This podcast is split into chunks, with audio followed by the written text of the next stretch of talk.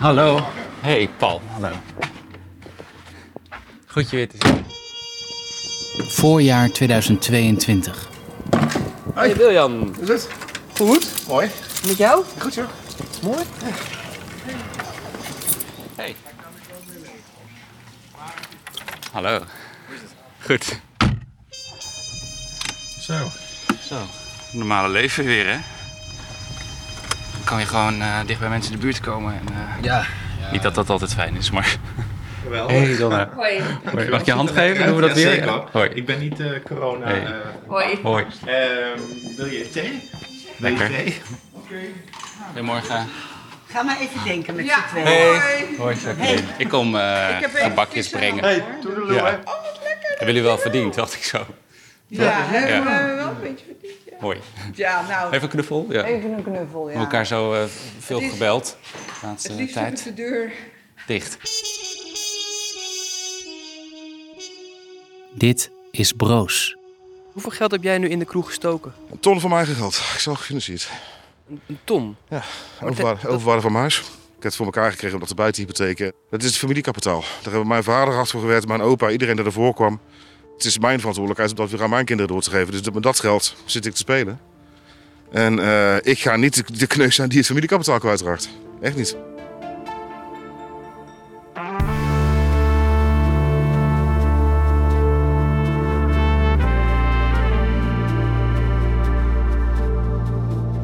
Hoe beleefden zij de coronacrisis? Utrechters met een kwetsbare arbeidsmarktpositie. Hoe verging het hen financieel en emotioneel? En welke hulp kregen ze? Of kregen ze niet? Ik ben Maarten Dallinga en samen met Hugo Verkleij maakte ik voor RTV Utrecht de vierdelige podcastserie Broos. Sinds het begin van de coronacrisis, voorjaar 2020, volgden wij vijf Utrechters. Dit is wat zij meemaakten. Aflevering 1. De omgeving snapt niet hoe het is.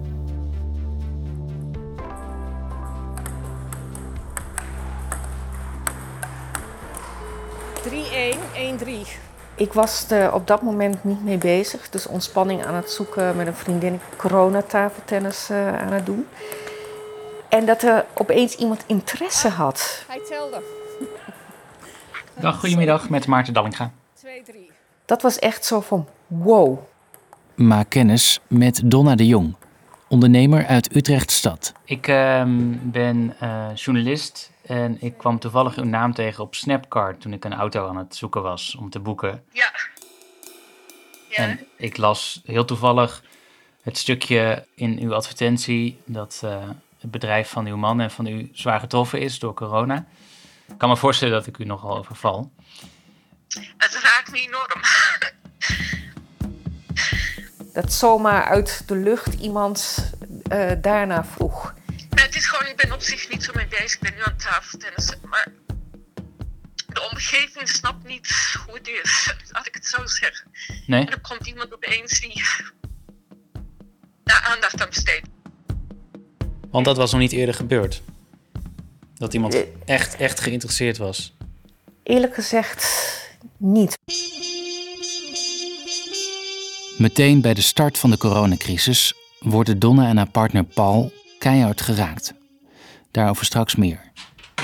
Eerst naar veertiger Wiljan de Jong, eigenaar van café Domkop in de Utrechtse binnenstad. Maar wat fris of zo. Kijk maar wat je hebt. Zomer 2020. De eerste opnames met Wiljan, door Hugo bij Wiljan thuis. Ze blikken terug op wat gebeurde in maart. Het aantal COVID-19-besmettingen neemt dan rap toe. En op zondag de 15e maakt het kabinet bekend dat alle eet- en drinkgelegenheden, behalve die in hotels, voorlopig vanaf 6 uur die avond moeten sluiten. Toen ik de 16e wakker werd, de 16 maart. eh, ik heb drie jaar eigenlijk alleen maar gewerkt. Tenminste, nou gewoon heel veel gewerkt. En toen dacht ik, nou, ik heb drie jaar alleen maar aangestaan. Ik kan even uitschakelen. Ik schrok wel van mezelf. Ik, ben, ik heb er heel erg uitgestaan. Ik, was echt, eh, ik heb denk ik vier weken eigenlijk alleen maar lamlendig en boos op de wereld op de bank gelegen. En eh, niet weten waar ik met mijn zoon naartoe moest. Eh, ik had niet het idee, dat nou binnen drie weken is het voorbij. Ik denk van, dit gaat nog veel langer duren. Als je slecht slaapt en alleen maar afleiding probeert te zoeken en iets meer drinkt dan goed voor je is. Nee, dat is niet goed voor je. Eh, ik had ook echt gewoon totaal geen ritme meer. Ik, ik kon mijn hoofd gewoon niet uitschakelen. Ik zat alleen maar zorgen te maken en boos te zijn op de wereld. En, nee, het ging toen niet goed met me. Na een week of vier ben ik er wel een beetje uitgekomen. Maar ik heb nog steeds wel moeite. Ik, ik kan mijn hoofd maar moeilijk afschakelen. Dan zat je op de bank en dan dronk je whisky en rookte je wat peuken en dat werd dan ook laat of zo? Ja. ja Als in- zo. Ik sliep wanneer ik in slaap viel. En eh, ik had gewoon, gewoon geen ritme. Alleen maar depressief. En eh, ik wist niet dat dat, eh, dat, dat mij kon overkomen. De horeca-lockdown geldt uiteindelijk zo'n 2,5 maand, tot 1 juni. Wiljan weet dan nog niet wat hem verder nog te wachten staat. Mag ik vragen hoe het nu gaat op dit moment? Nou, ehm, Dit is Jacqueline Bijleveld, midden 50 en eigenaar van herenkledingzaak Principe in het centrum van Baren. we hadden eigenlijk eerst in, in, in, in gedacht van, nou ja, het, het is een aflopend eh, gebeuren, dus eh, eh, we, we moeten stoppen. Na jaren omzetdaling worden Jacqueline en haar zakenpartner ook nog eens met de coronacrisis geconfronteerd. Bij het begin van de pandemie hebben ze al schulden. En die worden door het teruglopend aantal klanten alleen maar groter. Wordt de coronacrisis de nekslag? Mogen geen handen meer doen, dus eh, we doen het zo. Er is nog een klein sprankje hoop. 10 december 2020. Jacqueline en zakenpartner René hebben in hun winkel een afspraak met een financieel adviseur. Die zal advies gaan uitbrengen aan de gemeente over verstrekking van een krediet. Dat zouden Jacqueline en René dan kunnen gebruiken om te schikken met hun schuldeisers. Zo'n krediet krijg je alleen als je bedrijf levensvatbaar lijkt. Allemaal koffie? Ik wel graag, ja. Ja, lekker. Kijk, dit is ook uit onze gloriejaren nog, hè? De kopjes. Met de eigen... Oh, met eigen logo. eh. Met eigen logo. Ja, ja, ja. We zitten boven aan de bar. Het klinkt er hol. De ruimte is zo goed als leeg. Van twee verdiepingen gaan ze over naar één, om geld te besparen. Alle kostuums hangen nu beneden. Stapels overhemden liggen uitgestald op houten planken. Nou, ik zal even de introductie doen. Hè. Dit is de financieel adviseur. Maar er wordt altijd een onafhankelijk haalbaarheidsonderzoek gevraagd bij een derde. Vraag is dus: krijgen Jacqueline en haar zakenpartner een krediet van de gemeente? Zodat ze kunnen proberen een regeling te treffen met hun schuldeisers. Even kijken, laten we dan beginnen bij het begin. Een lange geschiedenis begrijpen, 33 jaar. Veel mensen in Baren zullen Principe waarschijnlijk wel kennen. De zaak bestaat al sinds 1987. In 2009 gingen ze al eens failliet. Met hulp van hun belangrijkste leverancier maakten ze in 2015 een doorstart. En de leverancier had nog heel veel hier hangen. En die zei, nou, dat laat ik gewoon hangen. En dan kunnen jullie daarmee beginnen met verkopen in ieder geval al. Dus en dat- toen kwam de ellende, want die leverancier die vertelde ons niks. Maar dan kregen wij een belletje van een, eh, een, een, een bevriende andere leverancier die zei: Joh, eh, die, die, die zijn eh failliet. Nou, toen ging Ja. de leverancier failliet. Ja. Oh. Die eigenlijk. Jacqueline en René hadden de kleding van de leverancier in consignatie. Dat betekent dat ze niet voor de spullen hadden betaald. De kleding was nog steeds eigendom van de leverancier. Verkochten ze iets, dan ging een deel van de verkoopprijs naar de leverancier. Dankzij deze constructie hadden Jacqueline en René een volle winkel zonder hoge investeringskosten. En wij hadden zoiets van, nou, we beginnen met die voorraad en dan proberen we weer wat te verdienen. en dan gaan we van. Want we begonnen op nul natuurlijk in Ja. 2015, Ja. 1 januari. Want je, denkt, nou, eh, met de schone lei en, eh, nou ja, en dan gebeurt dat opeens. De eigenaar van de kleding in de winkel gaat dus zelf failliet. En dat betekent dat Jacqueline en René alsnog een groot financieel risico moeten nemen. En we moesten voorraden gaan kopen waar we eigenlijk helemaal geen geld voor hadden. Toen kwam eigenlijk een periode dat het ook gewoon heel langzaam wat minder ging. Met, de economie Oh, en zo. ook bij ons dus. Ja. En eh, nou ja, toen kwamen we er dus achter, oh ja, we moeten natuurlijk dat ook allemaal nog betalen. En Ja. dat ging allemaal vrij langzaam en dat werd steeds moeilijker. En terwijl je, terwijl je in eerste instantie dacht van, nou ja, dit kunnen we makkelijk weer redden samen zo. En waardoor je toch weer achterstand krijgt met betalingen. Toen kwam natuurlijk corona eroverheen, begin dit jaar. Ja, en Dus toen ging de omzet verder naar beneden. Gaat best En hard, is even ja. de vraag, de vraag is natuurlijk even los van het corona. Van, eh, want dat is natuurlijk een tijdelijke, tijdelijk Ja, iets. nee, snap ik. Waar eindigt die omzetdaling? ja, precies. Maar als we dan naar 2020 kijken, dan heb ik tot en met week 8 was natuurlijk redelijk normaal nog. Hè? En we- vanaf week 8 kwam die persconferentie met Rutte dat we geen handen meer mochten schudden. En toen Ja. kregen we natuurlijk, eh, werden we met de neus op de feiten gedrukt. Nou, toen zag je ook uw omzet naar beneden Ja. gaan. Krijgen Jacqueline en René geen krediet, dan zien ze de toekomst van hun winkel somber in. Want dan wordt het haast onmogelijk om te schikken met de schuldeisers. Ze moeten wel wat aan geld kunnen bieden. En je moet weten, ze hebben een VOF. En een vennoot is privé aansprakelijk voor de gehele schuld van een VOF. Of je nou stopt met de zaak of niet, die, die schulden blijven Ja, die bestaan. schulden, die zijn er nog. Omdat wij natuurlijk een eh, VOF hebben. Dan, dan, eh, kijk, en sommige mensen hebben een BV en die denken gewoon, doei, jammer dan. Ja. eh, we hebben schulden en we gaan, weer op, we gaan stoppen en misschien weer opnieuw beginnen. Maar dat is met een VOF anders. Ja. Hoe slecht ze er nou precies financieel voor staan, zou de financieel adviseur later uitrekenen. Hey, goedemorgen. Eerst naar veertiger Leroy Ray. Leroy is een bekende Utrechtse DJ. Maar door de coronacrisis heeft hij nauwelijks nog werk. Maar dat is lang niet het enige. Het voelt me echt alsof ik een fucking lowlife ben. Alsof hij plots een lowlifer is, zegt Leroy. Het is september 2020 en hij heeft net een contract getekend voor de huur van een tochtige, afgelegen anti-kraakwoning in Koten. Zijn relatie is uit. Hij woonde altijd in Utrecht-stad. Ik, ik heb ook niet zoveel geld om überhaupt spullen te kopen. Dus je moet allemaal kringloopwinkels hebben en dergelijke. En vrienden die dingen aan me geven. Behalve financiële problemen en zijn stukgelopen relatie, heeft Leroy samen met zijn ex de zorg voor twee kleine kinderen. De jongste van één heeft het syndroom van Down. En dan is zijn moeder ook nog terminaal ziek. Oktober 2020. Hey Hugo. Ik belde net met eh, Leroy. Hij vertelde dat ehm, afgelopen woensdag toen hij eh, het contract tekende voor die anti-kraakwoning in Koten, die boerderij, eh, dat hij toen werd gebeld over zijn moeder, dat het nu echt heel, heel slecht met haar gaat. Ehm, Ze is nog wel onder ons, zei Leroy, maar nou ja, het, het ziet eruit dat het niet meer lang zal duren. Dat zijn wel heftige dingen voor de jongen in een week zo. Ja, oh, hij belt nu. Ik eh, laat het zo weten. Oh, neem maar op. Jo, hoi. Ik zie Leroy even later in de Utrechtse binnenstad, bij het conservatorium aan de Mariaplaats.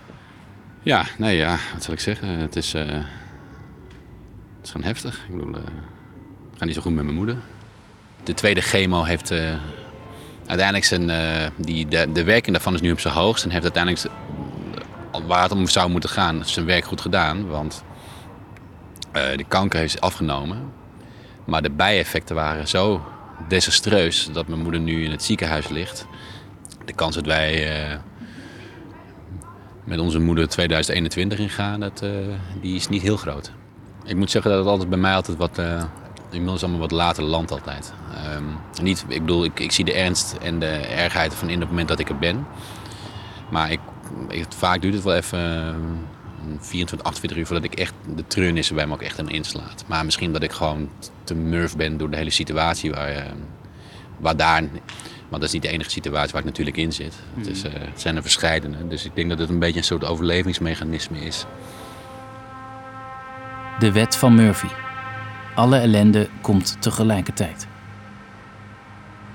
Ja, ik, dan slaat het wel in. Ik denk van, jezus, wat is toch een, eh situatie waar ik in terecht ben gekomen nu. Echt eh, alles tegelijk. En eh, dat ik nu een huis, eh, ik bedoel, ik gewoon een huis betrekken ben. of eigenlijk gewoon binnenkort gewoon een dag of één, twee moet prikken, zeg maar. Om gewoon zoveel mogelijk meubels erin te flikkeren. Om gewoon de, de- maar bewoonbaar te laten lijken, want het is een anti-kraakwoning. En ehm, het is ook redelijk ver weg. En het ziet op papier, op, zeker op de foto, wanneer het mooi weer is. Want ik, heb op, ik was er toen het mooi weer was, ziet het er heel erg eh, idyllisch uit. Maar dat is het natuurlijk helemaal niet. Het is gewoon een oude verrotte woning. Hoe gaat het nu financieel? Ja, dat is, eh, dat is nog eh, met hangen en wurgen. Maar betekent dat dan dat je nu betalingsregeling al hebt getroffen met partijen? Ja, onder andere. En de, Met wie? Ja, onder andere met eh, gemeentebelastingen hier. En, eh, Heb je ook moeten lenen van mensen? nee, niet veel. Gewoon eh, wat, wat spaarzame dingen. Dus ik probeer dat wel zoveel mogelijk wel te vermijden. Maar wel wat. Ja, wel wat, ja. Maar ja, het geeft je niet een goed gevoel. Uiteindelijk, eh, instanties, ik bedoel, ze, er wordt wel meegedacht, maar ook maar tot een extent. Ik bedoel, uiteindelijk willen ze, willen ze ook hun geld zien. Dus ik bedoel, dat, is, eh, dat gaat ook gewoon door. Wel een, het enige voordeel is dat ik nu dat huis eh, ga betrekken, dat ik in één keer ook weer een TOZO-uitkering kan aanvragen. Want ik woon dan weer officieel op mezelf. En heb geen partnercheck meer, dus er is een vangnet. Nu maak je geen eh, recht of heb je geen kans op TOZO? Nee, ik woon nog officieel samen met mijn ex in hetzelfde huis. En dan heb je een partnercheck. En aan de hand van een partnercheck krijg jij in ieder geval de uitkering niet meer. Nou ja, hetgeen wat zij verdient is gewoon niet, niet genoeg om, eh, om gewoon te betalen wat we moeten betalen. Dus eh, de afgelopen maanden is er wel een behoorlijke krater geslagen in, eh, in het financiële aspect. En dan, daar komt ook heel veel onzekerheid komt daarin naar boven. Dus dit is wel weer een, een, een, een wat fijnere oplossing. De kinderen van Leroy blijven ondertussen gewoon kind. En dat is troostrijk. ja, dat is toch wel een beetje. je- je- dat is gewoon wel mijn, mijn bakermat, zeg maar, mijn kinderen. Gewoon eh, dat ik ze in ieder geval in mijn buurt heb, weer zie. Zo de, on- de onvoorwaardelijke liefde, hun energie is, is gewoon eentje die je dan heel erg fijn vindt om, eh, om je heen te hebben. Er zit ook niks, niks, zeg maar, geen enkel eh, second thought achter of zo, zeg maar. Vooroordelen. Nee, ik, kom, loop, ik loop binnen en eh, papa! En ik zie mijn jongens en die moet gelijk lachen en, eh, en die komt die kruipt gelijk naar me toe. En dat is gewoon wel heel fijn. Het is echt eh, linksom of rechtsom. Het is gewoon kut. Eigenlijk. Dus ja, ik, eh, het is gewoon een ingewikkelde wereld op dit moment om eh, in te dealen.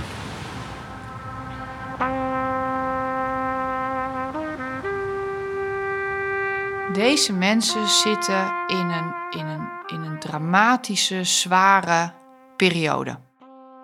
Dit is Natja Jungman, lector schulden en incasso aan de Hogeschool Utrecht. Je zal haar vaker horen. Want wat je ziet is dat in deze maatschappij de veerkracht überhaupt onder druk staat. Zelfs de mensen die geen inkomen inleveren rapporteren al: ik vind dit psychisch zwaar. En deze groep heeft deze zorgen er nog bij. Er zijn mensen die als ze geldzorgen hebben denken: het komt toch wel goed.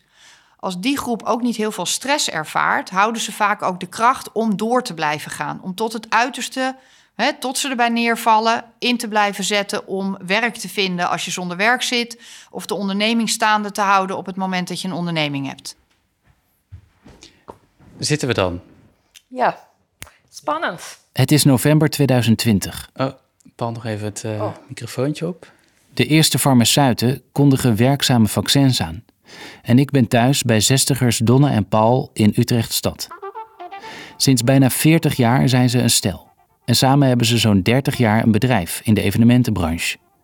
Ontwerp en realisatie van bijzondere stands voor grote beurzen.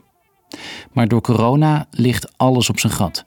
Eh, uiteindelijk hadden we een, een, een achttal ruimtes eh, gemaakt, ronde ruimtes. Het bedrijf is vooral Pauls passie. eh, met doek erop. Hij is niet te houden als hij erover vertelt. Genaaid. Met een speciale stof. Die... Sinds maart 2020 raakt de agenda van Donne en Paul in hoog tempo leeg. Van volle werkweken naar niets. We hadden het gevoel alsof eh, we bezig waren met een marathon. En dat we eh, bijna aan het eind van de finish waren. En dat vervolgens de finish afgebroken werd voordat, voordat we aan de finish waren. Dat gevoel. Dus dat je zo voorbereidt op die hectiek. Van gaan we dat redden? Lukt het ons allemaal? En vervolgens niks. 9 maart eh, de opbouw van een- beurs eh, in Utrecht gecanceld. Smiddags bespreking van een project in Düsseldorf gecanceld. Zaterdag de 13e Demontage. en oplevering Van een op beurs, zondag 20e, de 20 15e maart. maart. Gecanceld. Gecanceld. Gecanceld. Gecanceld. Ik was door het werk. ehm, soort, ik voelde me een soort powervrouw. Want er moesten echt dingen geregeld worden. Het was echt zo van: ik was de regelaar. Oké, reis naar Parijs, dan naar Londen. En dan moeten we zien dat we naar Kortrijk gaan. En ik deed het projectmanagement ontzettend snel schakelen. En dat hield me super scherp. En dat was fijn. Dat was fijn. Ik ging altijd op een top opgemaakt. Zonder make-up ging ik nooit de deur uit naar mijn werk. Nu draag ik geen make-up. Dat is dus heel iets anders, mijn haar en zo. Dus Waarom doe je dat? verwaarloos is misschien een groot woord, maar ik ben wel minder. Ik heb wel van mensen gehoord dat ik wat dat ik niet lekker in mijn vel zit. Dat zien ze. Dat zien ze. Wat zien ze dan? Een soort oogopslag. Plots niet meer kunnen werken. Ze hebben hun bedrijfsruimte weggedaan. En nu alweer acht maanden thuis. Met iedere dag opnieuw die onzekerheid in het hoofd. Kunnen we straks weer opstarten? Het feit dat je niet meer gechallenged wordt, hoewel dat soms heel zwaar was en ook heel stressvol was, ja, dat motiveert je om actief te zijn, dat motiveert je om bezig te zijn. Maar dat brengt ook heel veel nieuwe ervaringen met zich mee. Een uitgebreid sociaal netwerk brengt het met zich mee. En je had het over de Eh, kick. Is, is die in zekere zin misschien ook verslavend? Yes.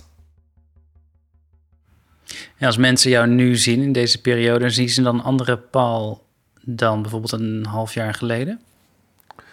Ja, ik denk het, ik denk het wel. Ik denk het wel.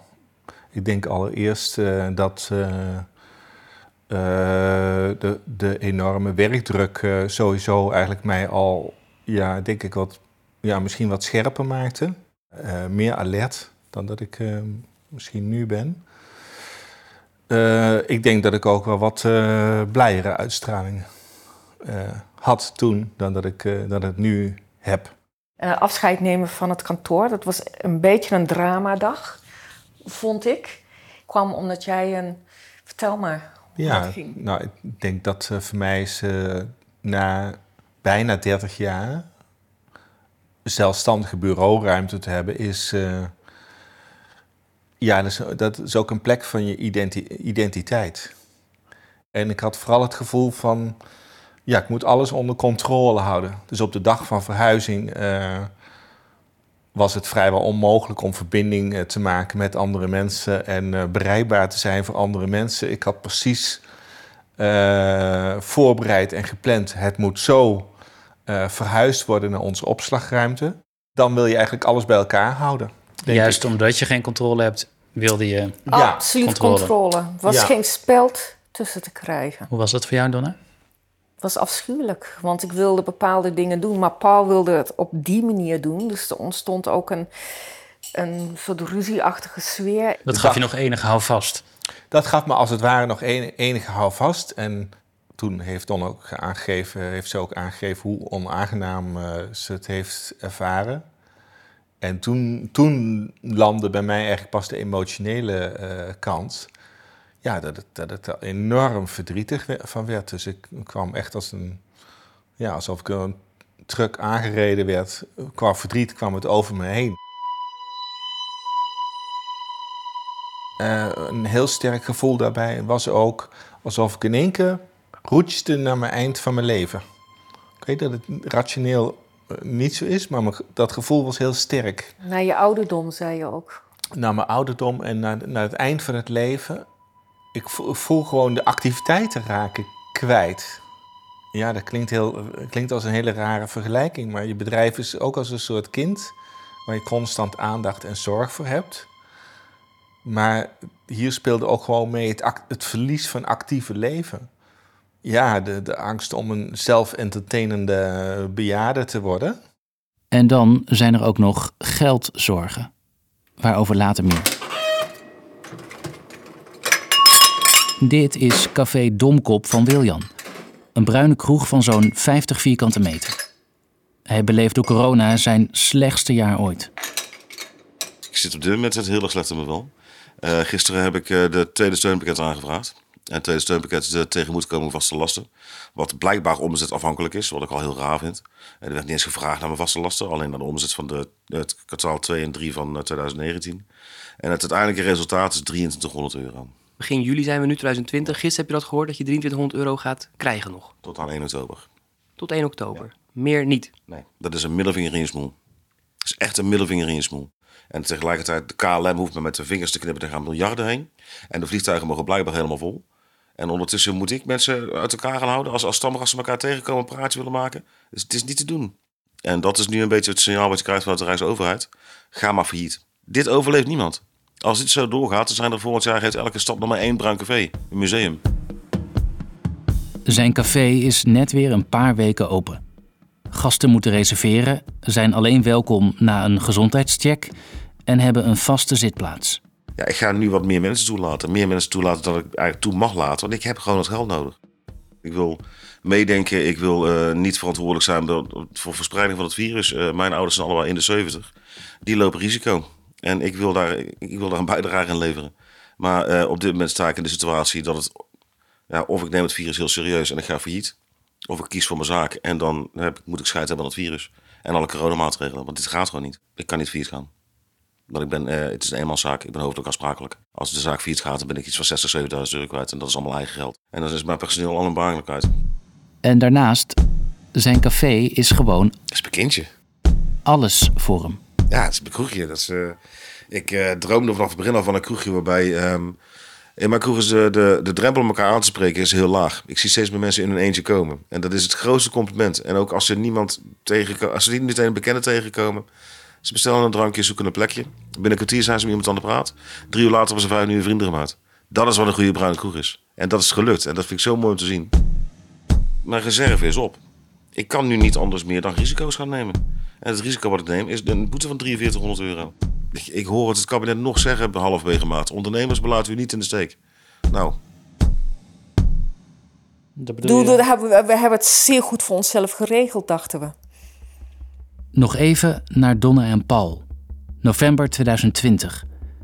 De klap van plots geen werk meer komt niet alleen emotioneel hard aan. Nee, we, we kunnen hier. Nee, want met uh, uh, alles. Jeetje, dat moet ik gaan berekenen.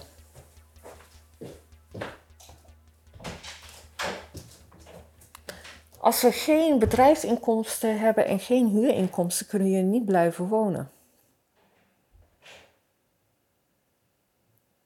Het is alsof je, je dat nu pas realiseert. Ja. Ja. Ik ben er eigenlijk zo van overtuigd dat we dit blijven verhuren, dat ik niet naar die, die scenario heb gekeken, inderdaad. Ja, de meest gekke dingen kunnen gebeuren. Dat laat corona zien natuurlijk. Ja.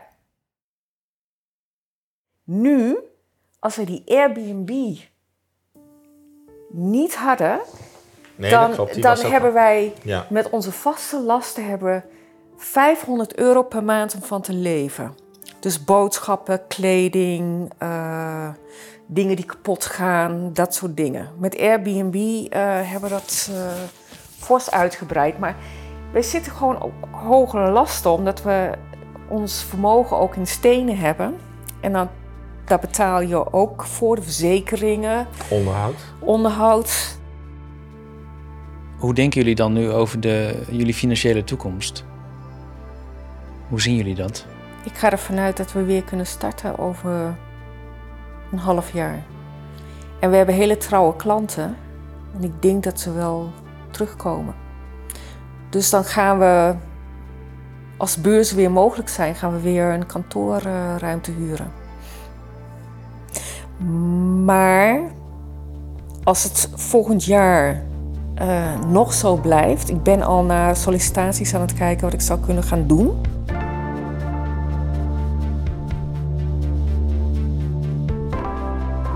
Je luisterde naar aflevering 1 van Broos. Kom maandagavond 4 juli naar Broos Live. Een avond voor luisteraars in café Domkop in Utrecht. Vanaf 8 uur 's avonds. In de volgende aflevering. Ik zorg dat ik in ieder geval eten maak waar we twee dagen van kunnen eten. Anders is het te duur. Ja. Ja, het is heftig, jongen. Ik ben ooit in mijn leven een jaar werkeloos geweest. En een van de dingen die ik daarvan herinner, wat ik vreselijk vond, was dat ik eh, bij bouwplaatsen stond. En, en ik had het gevoel, de hele wereld draait verder. En ik speel daar geen enkele rol in. En je wilt dat niet nog een keer voelen? Nee. Stiekem hoop ik gewoon dat ze ons die kans willen geven eigenlijk. Omdat ze zien dat wij wel heel erg hard ervoor vechten. Broos is een podcast van Maarten Dallinga en Hugo Verkleij voor RTV Utrecht. Huip de Mol deed de eindredactie. Marion Oskamp gaf ons veel advies in de beginfase. De muziek werd speciaal voor Broos gemaakt door Flux uit Utrecht. Bestaande uit Matthijs Deuringhof, Gerben Klein-Willink en Bob Roos. Fren de Bruin creëerde het beeldmerk. Broos kwam tot stand met steun van het Fonds Bijzondere Journalistieke Projecten. Voor reacties broos.rtvutrecht.nl En tot slot nog een oproep. We hopen natuurlijk dat veel mensen naar Broos gaan luisteren. Help ons mee door een bericht te plaatsen op sociale media of laat een recensie achter bij Apple Podcasts of Spotify. Aflevering 2 verschijnt 4 juli. Tot dan.